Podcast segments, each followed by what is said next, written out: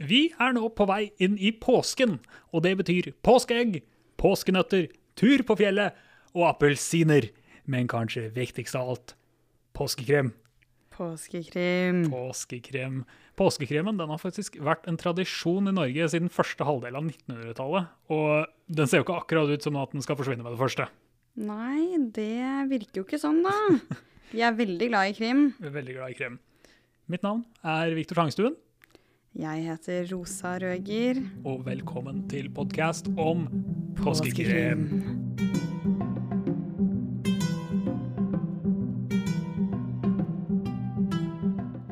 Ja, Viktor, hva er egentlig ditt forhold til påskekrim? Eh, jeg har faktisk ikke sett så, eller lest eller sett så grusomt mye krim i nødvendigvis påsken. Jeg har gjerne gjort det andre tider på året. Men jeg mm, Altså, først og fremst påskekrim er jo så utrolig mye mer enn da Si bøker, da, eksempel. Bøker er bare en liten del av det. Du har jo TV, du har radio. Men det jeg, det jeg har gjort i påsken, er jo, på, er jo melkekartonger. Ja, Det er, det, som er, det er jo det som er moro, syns jeg. Og min greie med melkekartonger er jo at jeg løser gjerne den, eller prøver i hvert fall å løse den eh, som er på melkekartongene, da, og så sjekker jeg aldri svaret. Det glemmer jeg bort. Ja, jeg er kanskje litt mer av den personen som snur eh, melkekartongen opp ned for å lese svaret, da. Det, Det står svar svaret på melkekartongene. Jeg trodde man måtte søke seg inn på det på påskeaften eller noe sånt. Det kan være det er det der, ja. Kanskje jeg har misforstått uh... Kanskje. Men jeg pleier jo uh, De siste åra har jeg i hvert fall klart å løse den, men uh, da jeg var yngre, så var det jo helt håpløst. Påske, påskekrimen er jo veldig interessant, da. Og det er, jo, det er jo helt umulig å ikke få den med seg på noen som helst måte. For enten så kjøper du melk, eller så setter du på TV-en på feil tidspunkt. Jeg har jo hatt faktisk som tradisjon i familien å se på disse påskekrimene. Hvert fall hvis det er, Vi leser jo også opp på forhånd om det er noe spennende. Så jeg tror kanskje det kan være det er én jeg husker, i hvert fall. da. Og det var denne Whitechapel Murders, som handlet om en uh, morder som kopierer Jack the Ripper. Og jeg som kommer fra en familie hvor vi syns eh, litt sånn grøss og gru er spennende, det, det likte jeg, da, for å si det sånn. Så den husker jeg. Er det da jeg skal si 'ikke inviter meg hjem noen gang'? Da sier jeg det noterer jeg. Men ellers så har påskekrim for meg vært at eh, familien min har jo årlig en påskefest, da. Med alle i nabolaget. Vi bor i en sånn bygård, og der hadde vi nabobarn og søstera mi, og hun hadde venner i den gården. Og tradisjonen for oss var at innen påskefesten var, da, så hadde vi kidsa Vi hadde laget da vår egen påskegrøsser.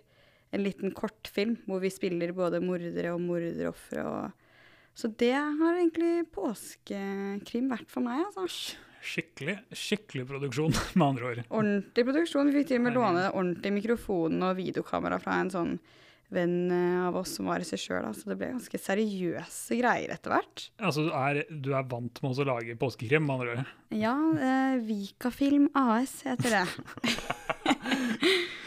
Men ja, jeg er veldig Hashtag fan. ad. Ja, hashtag ad. Jeg er veldig fan av, uh, av krim. Men vi er jo ikke de eneste som skal snakke i denne podkasten her. Nei. For vår reporter Borghild, hun har nemlig vært ute og spurt folk hva deres forhold til påskekrim er. Unnskyld, tror du jeg kunne spurt deg et par kjappe spørsmål om påskekrim? Ja, Skal du eh, se eller lese krim i påsken? Jeg skal gjerne lese, tror jeg. Jeg skal sikkert kanskje se et eller annet. Nei, det skal jeg ikke. Nei, hvorfor det? For jeg har bare aldri interessert meg for å lese bøker, rett og slett. Jeg syns det er gørr kjedelig, så jeg foretrekker heller å se på TV. Og hvorfor tror du nordmenn er så glad i krim i akkurat påsken? Tradisjon. Nordmenn elsker tradisjon, så jeg tror det er bare derfor. Det er jo litt spennende med litt sånn annerledes serier. Nei, det er vel tradisjon, da. Så liker de vel å se, se litt spenning, som du sier. Um, og i år, hvor blir det du skal lese påskekrimmen? Hjemme i stua. Ja, det virker i hvert fall som at de fleste skal enten se eller lese noe påskekrim i år, da. Det gjør jeg absolutt. eh, Og det er, jo, det er jo slik at krim har jo faktisk en evne til å ja, interessere oss mennesker. Og spesielt nå i påsken så ser, leser og hører vi store mengder krim. Men hva er det egentlig som skaper denne interessen, og hvorfor er vi så glad i påskekrim? Til å hjelpe oss med å svare på dette, så har vi vært så heldige og fått med oss psykologspesialist, forsker og forfatter Pål Grøndal i studio. Hjertelig velkommen. Takk skal du ha. Ja, du har jo vært en aktiv debattant før eh, om temaer innenfor rettspsykiatri og sakkyndighet. Eh, og du blir jo også i mange medier kalt for en krimekspert. Eh, så dette må jo være et tema som interesserer deg, vil jeg tro? Blir jeg virkelig kalt krimekspert, altså? Ja, du har faktisk eh, blitt nevnt det i ulike settinger, har jeg sett. Men du interesserer deg for krim, det gjør du vel? Du kan jo si at kriminalitet er en del av jobben min. Fordi jeg gjør rettslige observasjoner av mennesker som man er i tvil om er tilregnelige. Altså om de har skyldevne. Og det gjør jeg jo for domstolene. Og domstolene behandler jo veldig mange straffesaker. Og da er det jo også kriminalsaker. Så jo da, jeg må jo sies å interessere meg for krim. Men eh, tyngden er jo i og for seg å, å vurdere psykiatri og psykologi opp imot den kriminelle handlingen. Og da er det jo egentlig primært mennesket jeg er interessert i, da. Det lyder kanskje litt sånn pompøst, men det er jo egentlig det jeg jobber med som psykolog. Jeg jobber med mennesker. Og så har jeg da tilfeldighetene nærmest eh, rammet meg, og at det er blitt mye krim, psykologi og menneske. Du har jo forsket på hva som gjør at eh, vi mennesker eh, fascinerer oss av krim. Eh, og da, da lurer jeg liksom litt på som, hva er det som ligger bak denne fascinasjonen vi har rundt krim, da? Mm. Det tror jeg ikke er et enkelt svar. Det er nok flere ting som gjør det.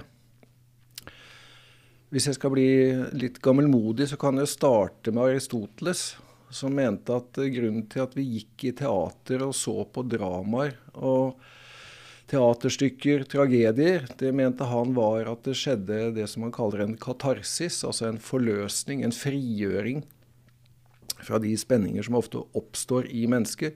Og når man da ser dette spilt ut på scenene, så, så skjer det en slags lettelse eller frigjøring i mennesket. Så de går inn i dramaet, inn på teatersalen, inn i scenen, kanskje inn i Netflix og TV nå. Og så får man en slags liten forløsning, og så, man, og så er man litt lettet etterpå. Og, og det er jo mange elementer i krim som gjør at vi, vi liker det. En ting er at vi blir jo litt aktivert. Vi liker stimuli. Hvis vi er helt isolert uten stimuli, så blir vi gale. Så vi må ha stimuli. Og krim blir, en eventyr, blir et eventyr, og det stimulerer oss veldig. Så er det jo noe med at vi er nysgjerrige. Det er jo en grunnleggende holdning. Vi er kjempenysgjerrige. Så vi vil vite hvordan ting går. Og et kriminalmysterium starter jo liksom med, en, med et lik og med en detektiv, og så har vi en gjerningsperson. Så vi starter gjerne med liket. Uh, da skapes det en spenning. Og så kommer det en detektiv som skal prøve å løse uh, spenningen. Og så skjer da uh, løsningen ved, og forløsningen ved at den tiltalte stort sett blir tatt. Og En siste ting som jeg jo kommer på, det er jo at det stunder mot påske, og da er det litt sånn at vi liker tradisjoner. For tradisjoner skaper også trygghet i oss. Så i Norge har vi fått en sånn greie med at det er påskekrim. Og det assosieres med noe hyggelig, noe i og for seg jo ganske koselig. Så jeg tenker at der, der er det i hvert fall en del momenter til hvorfor vi liker krim. Denne, altså fiksjonskrimmen, da, eh, som jo eh, også har eh, er populær, eh, må det jo sies. Der er det jo ofte svært groteske detaljer. Det er svært Det er Skal vi si at morderne er litt like, på en måte. Hvor, vi, Mm. hvor, uh, hvor godt syns du at framstillingen av mordere i krim uh, er sammenlignet med virkeligheten? Uh, generelt er nok virkeligheten litt kjedeligere enn en krimbøkene klarer å presentere for oss. Um, krim har gjerne sånn 'who done it and why'. Altså en slags gjerning som begås, og hvor man jakter ned den som har gjort det, fordi den som har gjort det, er flink til å skjule sine spor, holder seg unna, det er klappjakt. eh, Vedkommende er godt strukturert, organisert, eh, gjerne smart og har et veldig klart motiv. Dette kan jeg ofte snu på hodet når det gjelder virkelighetens krim. de som tar liv, er statistisk sett en, tilhører en gruppe som på ingen måte ligner det som krimmen gjør, altså med svært ressurssterke, intelligente, velorganiserte mennesker. Det er ofte snakk om rus, psykiske lidelser, øh, ressurssvake mennesker ofte.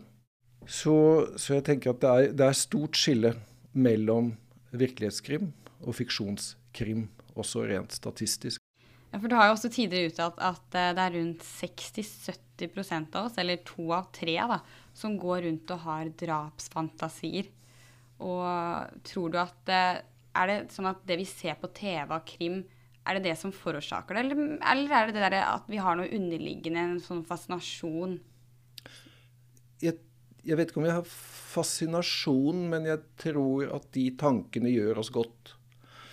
Hvis jeg er uhyre forbanna på en kollega som lykkes veldig mye, mens jeg ikke lykkes så mye, så, og, og vedkommende har kanskje tatt æren for noe jeg har gjort, uh, så skal ikke jeg unnslå at jeg har vel uh, en, en, en, en, Jeg kan få impulser om at det hadde vært deilig at du ikke fantes mer.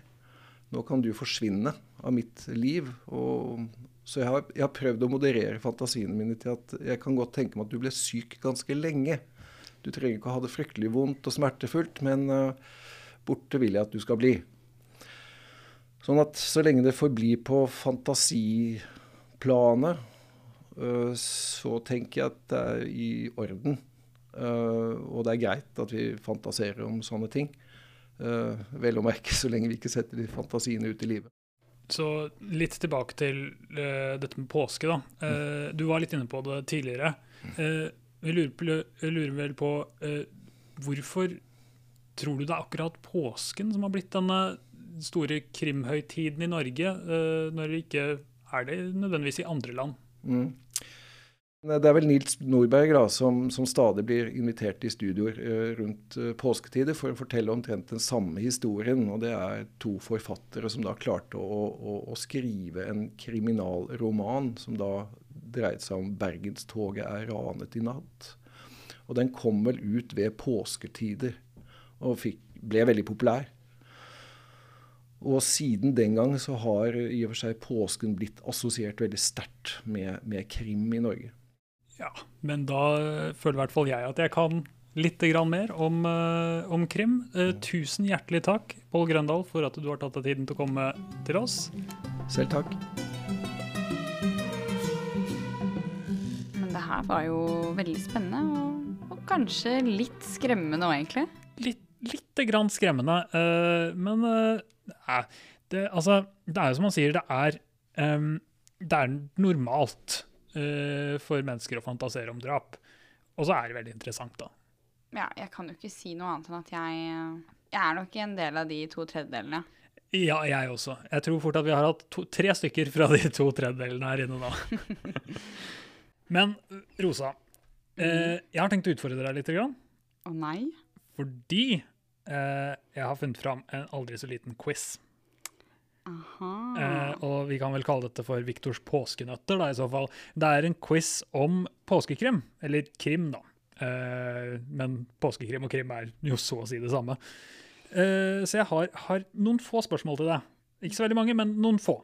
Den er grei. Jeg kjører på med en gang, jeg. Jo Nesbø han eh, har jo gitt ut eh, krimromanen sin 'Macbeth' for noen få år siden. Uh, hvilken forfatter skrev originalstykket som tittelen er lånt fra? Macbeth. Mm. Shakespeare. Fader. Yes. det er helt riktig. Selvfølgelig. Så spørsmål nummer to. Uh, hvilken av disse titlene finnes ikke i Gunnar Staalesens bokserie om privatdetektiv Varg Veum? Da har vi fire alternativer, da. Mm. 'Kvinnen i kjøleskapet', 'Den stilleste grav', 'Bitre blomster' eller 'De døde har det godt'? Jeg tar eh, tittel nummer to. 'Den stilleste grav'. Ja. Og det er fader meg helt riktig. Nei! Yes! Å, det her skulle bli slakt! jeg sa jeg likte krim. Uh, OK. Uh, da skal vi over på et uh, eh, spørsmål om krimparodi, faktisk. Mm. Eh, hva er navnet på Knut Nærums påskekrimparodi fra 2000? Og jeg kan gi deg svaralternativene, Ja, fordi det her eh, det hadde du ikke tatt om du ikke hadde fått de. Uh, gullrekka skal brytes. Knekt nøkkel i dørlås. Døde menn går på ski. Klovnen som lo av alt. Døde menn går på ski. Døde menn går på ski. Jeg har ikke lyst til å si det engang, vet du. Hvor har fader meg fått det riktig igjen? Jeg er veldig glad i quiz, og så er jeg jo glad i krim, da. Så snakker med en ekspert, faktisk. Vet du hva, du Ja, det, her var nesten imponerende, vet du. Jeg litt, litt irritert over at du har fått alle riktig så langt. Takk. Men denne her får du ikke riktig. Hva regnes som tidenes første kriminalhistorie? Og da er det fire alternativer, selvfølgelig. Ja. Fordi at den hadde du ikke tatt om du ikke hadde fått alternativene. Vi får, vi får se på det, Viktor. Jeg, jeg, jeg lurer på om jeg klarer å uttale det første her. eh, mordene i Rue Morgue. Eh, Kong Oidipus. Rosens navn. Eller hunden fra Baskerville. Rosens navn. Rosens navn. Er, det- ligger noe bak det? Er det navnet ditt som ligger bak det? Nei, jeg, jeg har en god følelse. Det var mordene i Rue Morge. Og jeg sa det det garantert feil. Det er garantert noe fransk over det. Ja, ja. Vet du hva, nå ble jeg skikkelig glad for at du ikke tok et eh, svar riktig for en Mm. gangs skyld. Og så er det siste spørsmål, så du får uansett mer enn halvparten her, Yes. dessverre. Hvilken britisk krimforfatter og medlem av overhuset i det britiske parlamentet sto bak krimetterforsker Adam Daglish? Var det PD James, Francis Clifford, Frederick Forsyth eller Ruth Rendell? Vi tar svaralternativ nummer tre. Frederick Forsyth. Og det var feil! Nei! PD James var riktig svar. Ah! Jeg hadde jo ikke klart det sjøl, men Nei, ikke sant. takk til min kjære mobil og Google, sier jeg. Men er du litt imponert over mine kunnskaper da? Bitte litt. Mm. Ørlite grann. Men uh, jeg tror nok at uh, vi antagelig burde få inn noen som er litt mer en eks ekspert enn oss to. Da. Det tror jeg også. Har du noe alternativ, eller? da ville jeg vel kanskje anbefalt en aldri så liten krimforfatter. For det hadde vært vanskelig å skulle snakke om påskekrim uten å ha med en krimforfatter. Og vi har vært så heldige å få med selveste Hans Olav Lahlum. Velkommen til deg. Takk for det. Det er hyggelig å være her. Du er jo veldig mye annet enn en krimforfatter også, selvfølgelig, men om jeg skulle nevne alt sammen, så hadde vi vel kanskje slått rekorden din i verdens lengste intervju. Ja, nei, Det er i hvert fall ikke noe å bruke tid på her og nå. Jeg driver med litt forskjellige ting. Jeg er bred til å være så smal. Eh, Du eh, har jo med en av dine nyeste bøker som vi, eh, skal, eh, som vi snart skal få høre et lite utdrag fra. Men, men først, kan du, kan du fortelle oss litt om boka? Svanemordet, ja. ja. Nei, det er jo den retroserien min, da, i anførselstegn, med litt sånn klassisk tenkende krim uten blodbad i hvert kapittel. Da jeg begynte med dette i 2010, så husker jeg det var en episode kort tid senere, hvor jeg var på en forlagsfest i Oslo. Så er det en eldre forfatterkollega som kommer løpende og nærmest omfavner meg og sier at det er så flott at du skriver klassisk tenkende krim uten blodbad i hvert kapittel, og så er det så synd at du skriver så dørgende kjedelig som du gjør.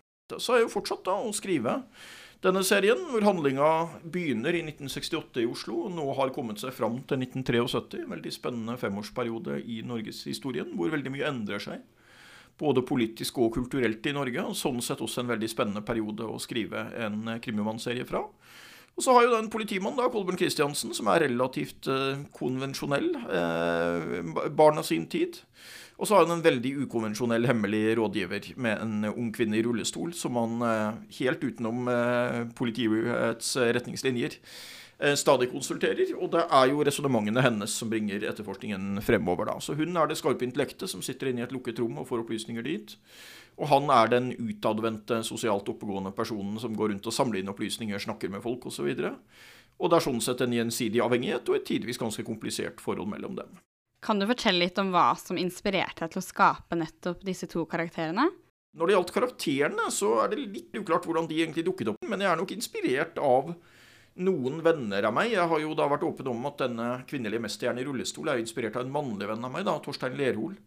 Som da er mye skrøpeligere enn det den kvinnelige hovedpersonen min er rent fysisk, men som er veldig skarp i hodet og eh, kan se sammenhenger eh, der, da.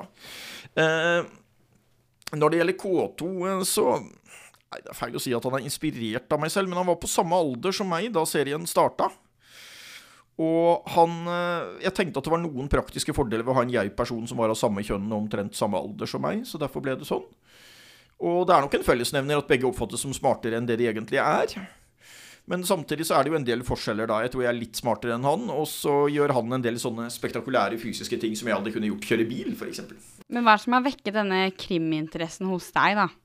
Ja, det begynte vel på sett og vis med 'Detektiven og Hardy-guttene' da jeg var i tenårene, og så skrev jeg en uh, Har jeg alltid likt å lese, og etter hvert også likt å skrive.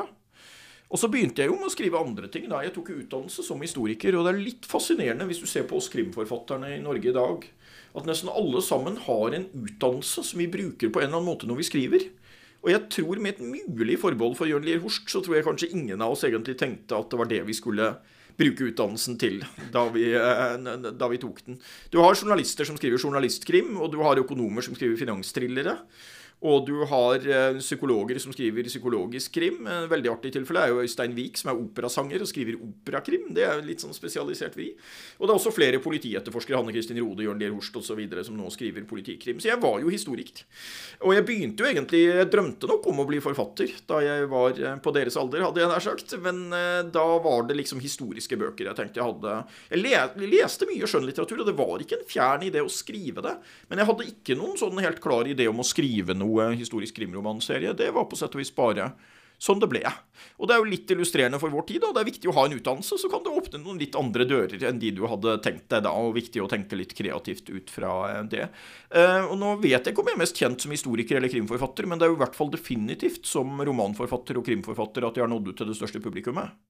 Nå er vi jo inne i en eh, Eller nå går vi inn i en periode med påske, og da er det gjerne krim som er viktig da, mm. for mange. Eh, har du noen, noen, særlig tradisjon for å lese eller få i deg påskekrim på noen måte? I et langt tidsperspektiv så tror jeg det må ha vært sånn at jeg i oppveksten nok så disse krimseriene på TV osv. Men nå de senere årene så er faktisk ofte påskeuka vært den uka i året hvor jeg nær sagt leser minst.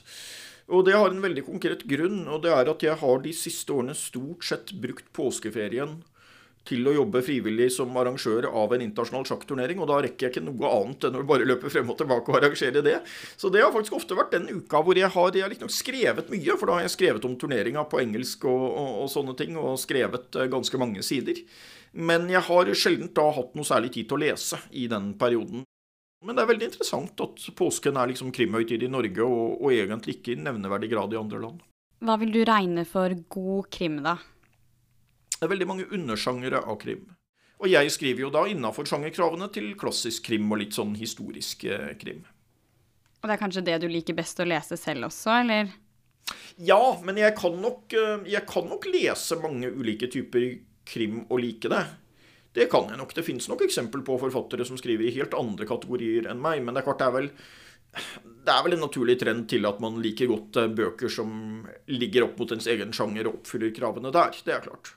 Eh, så jeg har jo noen klassiske forbilder på det. Agatha Christie på plott og logikk.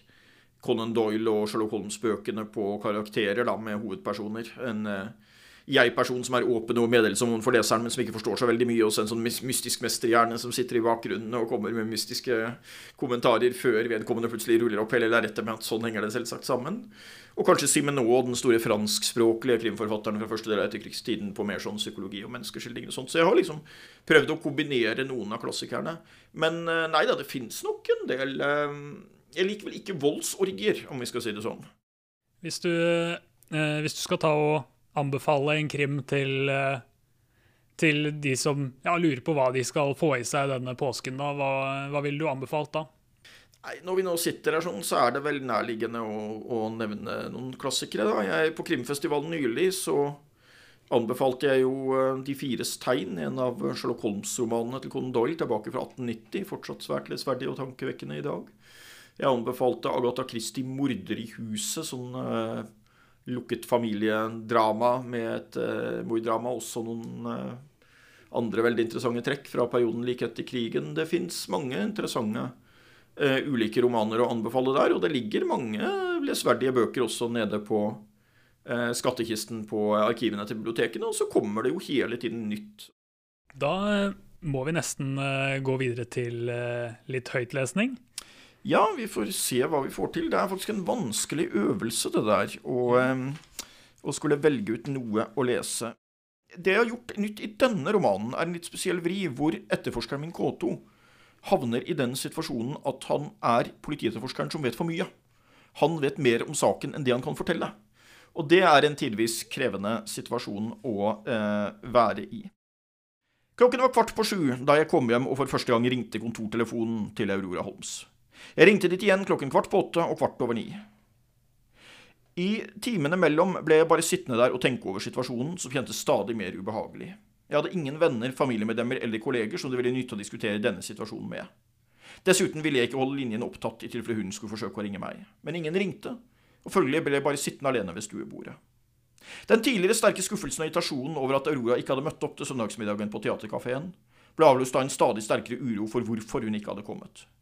Gang etter gang sa jeg til meg selv at jeg sikkert bare var overspent nervøs som følge av en forelskelse og en påfølgende skuffelse, da det ikke kom noe mer ut av den. Jeg hadde et par ganger tidligere kjent på den store angsten og ensomheten det er å sitte alene i et rom sammen med en telefon som må ringe snart, og som likevel ikke ringer. Jeg hadde likevel aldri følt den sterkere enn nå. 20 år etter at jeg som gymnasiast sluttet å røyke, savnet jeg plutselig nikotinens beroligende virkning. Jeg vurderte noen sekunder å løpe ut til nærmeste aviskiosk for å kjøpe meg en sigarettpakke, men reiste meg ikke engang fra sofaen. Tanken på at telefonen kunne ringe de minuttene jeg var ute av leiligheten, var utholdelig. Kvart på ti og kvart over ti tok jeg igjen opp røret selv og slo nummeret til den forsvunne privatdetektiven Aurora Holmes. Telefonen ringte og ringte, uten at noen tok den. Uroen min var i ferd med å gå over i panikk. Rundt halv elleve tenkte jeg for første gang at det nå heller fikk komme en trist beskjed enn at det ikke kom noen beskjed. Det kjentes helt umulig å skulle sove, og enda mer umulig å skulle gå på jobb i morgen uten å ha fått noen avklaring av hva som hadde skjedd. Lørdagskveldens forventning om et nytt og lysere liv sammen med Aurora Holmes var søndag kveld avløst av en mørk bekymring som hva som kunne ha skjedd med henne. Seks timer tidligere ville jeg på Teaterkafeen nok ha blitt både sint og skuffet hvis hun hadde ringt og gitt beskjed om at hun ikke ville møte meg mer. Nå ville jeg blitt jublende glad og lettet for å få den samme beskjeden.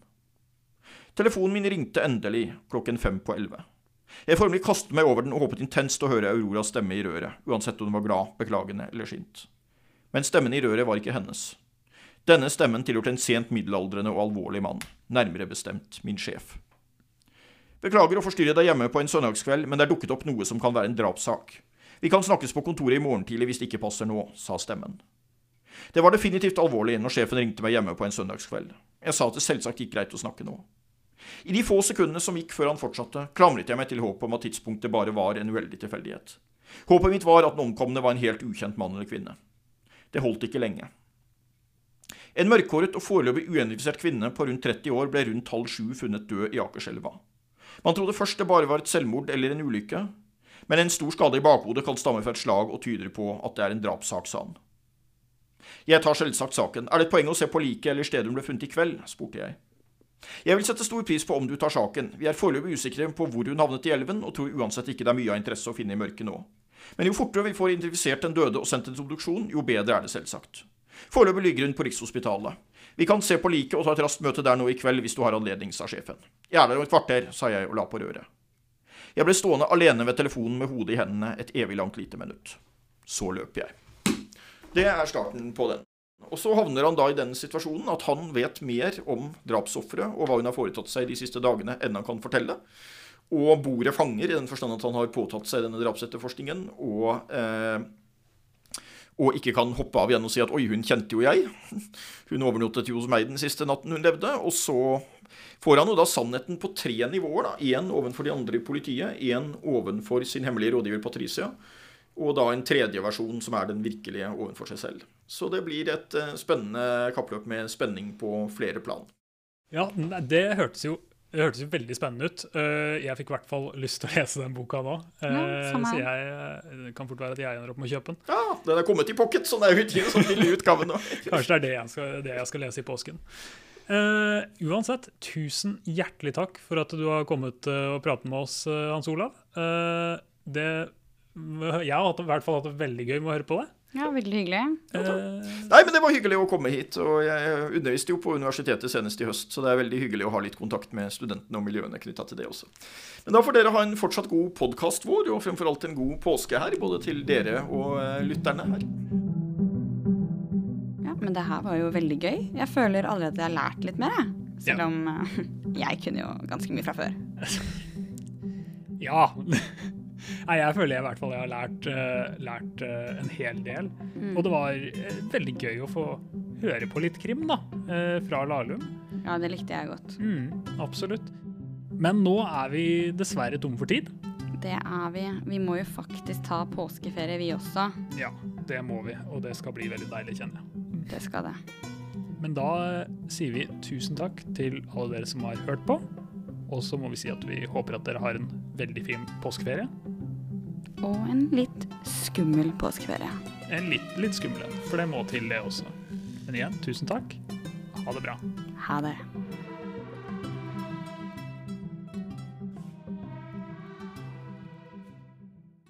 Du har hørt på Lytt, og denne podkasten er laget av Tuva Brekkmo, Borghild Kvæven, Ingrid Elida Karo Johansen, Katrina Svarka, meg, Rosa Røger, Og meg, Viktor Tangestuen.